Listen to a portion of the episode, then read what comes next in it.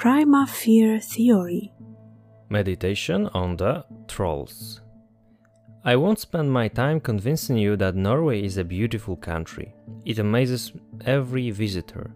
That happened to me as well. If you ever have a chance to visit that country, you must check the highway number 63 Åndalsnes to Valldal and then the Geiranger's Fjord. I consider this as one of the most awesome places where a man can propose to his wife to be. But we won't focus on that today.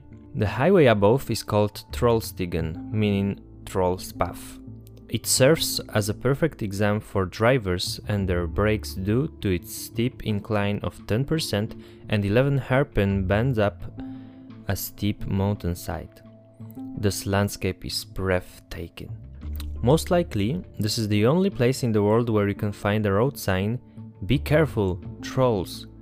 I guess no one takes this grass grown man like creatures seriously, but the word troll stirs some negative emotions within us. Where am I getting at? I'd like us to think about the perspective today. It's of utmost importance in our life. You may be surprised by the benefits of looking at your life from different angles. It may be easier to draw right conclusions, to plan, and to enjoy the reality. After all, Trollstigen may arouse various feelings in our heart regarding to the position where we are. For example, when I sat on the observation deck, it was awe-inspiring, unveiled the mightiness of creation and filled me with respect. Wow, that's amazing, what a landscape, I thought.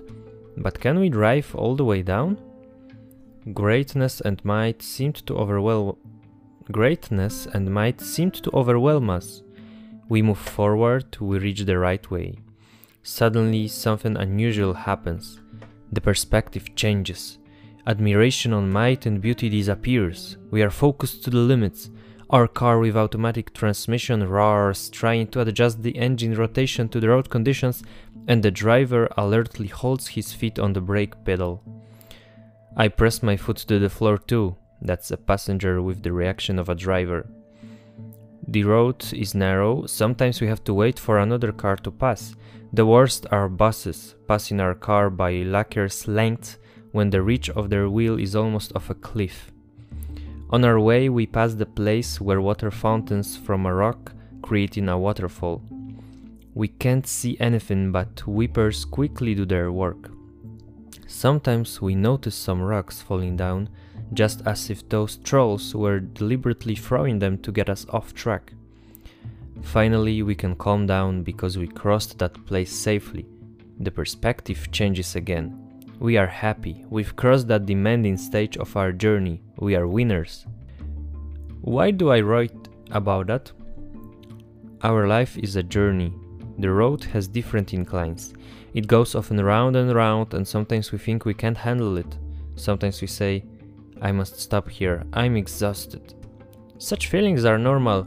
We have the right to feel tired and overwhelmed by the pace and the pressure of this world. But it doesn't mean we want to give up. The road, even one like Trollstigen, may become really nice even though it's full of obstacles and challenges. So what do we need? I guess you already know the answer. The right perspective. Look at the description above. Maybe you thought, why did he recommend a road like that? Using it looks like risking your life. But that's just my perspective. I could describe Trollstigen in a completely different way. Going downhill on Trollstigen was awesome, we had to be cautious, it was full of excitement. We saw a beautiful waterfall flowing from a rock, stones falling down, and the driver had to do some crazy maneuvers. And so on. Do you get it? We can describe one story in different ways a drama or an adventure. Our life is a story. You can focus and notice all the difficulties, challenges, dangers, and adversities, or you can view it as an adventure as well. Difficulty is a challenge, danger is a test, adversity is a hardening. You may ask, how to do that? Just like that. At first, you must realize that you are the master of your thoughts, so you are in control. You can allow something to bring you down, or you can forbid it and look at the positive side. Is it easy to control negative thoughts?